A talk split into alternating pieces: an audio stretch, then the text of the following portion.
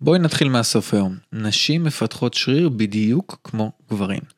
ולמה שתרצי לפתח מסת שריר? כי אם את רוצה גוף חטוב, את צריכה שיהיה שריר מולבש עליו ולא סתם עור ועצמות.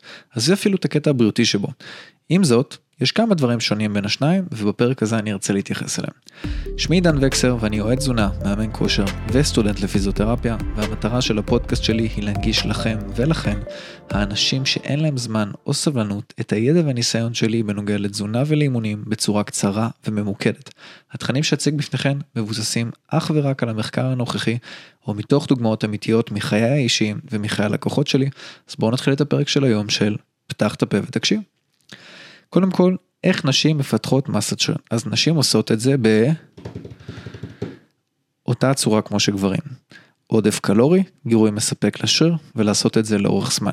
כלומר, אם אנחנו נכניס יותר קלוריות ממה שאנחנו צריכים להוציא, או אפילו נשאר בניטרליות מסוימת, אבל בעודף קל לעיתים, נתאמן מספיק חזק, כלומר ניצור גירוי שהשריר יגיד, אה אוקיי, אני צריך להיות חזקה יותר, אני צריכה להיות חזקה יותר בשביל להשתפר, ונעשה את זה לאורך מספיק זמן, אנחנו נתחזק ואנחנו נפתח מסת שריר.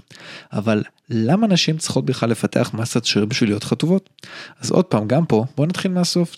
תיכנסי לאינסטגרם ותחפשי השטג girls who lift או בנות שמרימות. אם אחרי התמונות והסרטונים שתראי שם עדיין לא תחשבי כמוני, מבטיח, תרימי לי טלפון, אני אסביר לך את הכל. שריר נראה הרבה יותר טוב על הגוף מאשר שומן, או מאשר פשוט חוסר בשומן.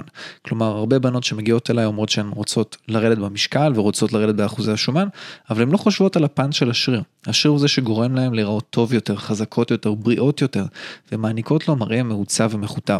אז כל שיעורי העיצוב וחיטוב, פיסול, שיעורי מדרגה מחטבים או dynamic fit זה קצת, סליחה על המילה, חרטא. אתן צריכות להרים כבד, אתן צריכות להתאמץ ואתן צריכות לפתח מסת שריר. הנקודה השלישית היא שהפוטנציאל לפיתוח מסת שריר זהה לחלוטין אצל גברים ונשים. משמע גבר ואישה באותו המשקל כנראה יהיו חזקים באותה המידה אם הם יפתחו את אותה מסת שריר.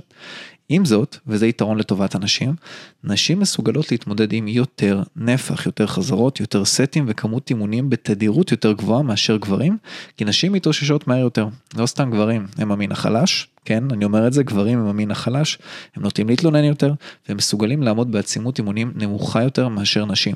ולכן, אם את שומעת את הפרק הזה, את צריכה לאתגר את עצמך יותר, יותר סופר סטים, יותר דרופ סטים, פחות זמני מנוחה, יותר משקל, ולהקשות על עצמך כמה שיותר. כמו שאני תמיד אומר, את יותר יפה כשכבד לך. נקודה חמישית היא שאני מסכים, יש השפעה הורמונלית מסוימת במהלך המחזור החודשי שעלול להשפיע על חלק גדול מהבנות. אצל חלק מהאנשים זה גורם להם לחולשה, לכאבי בטן, סחרחורות, כאבי ראש, שלל דברים כבר שמעתי לא מעט.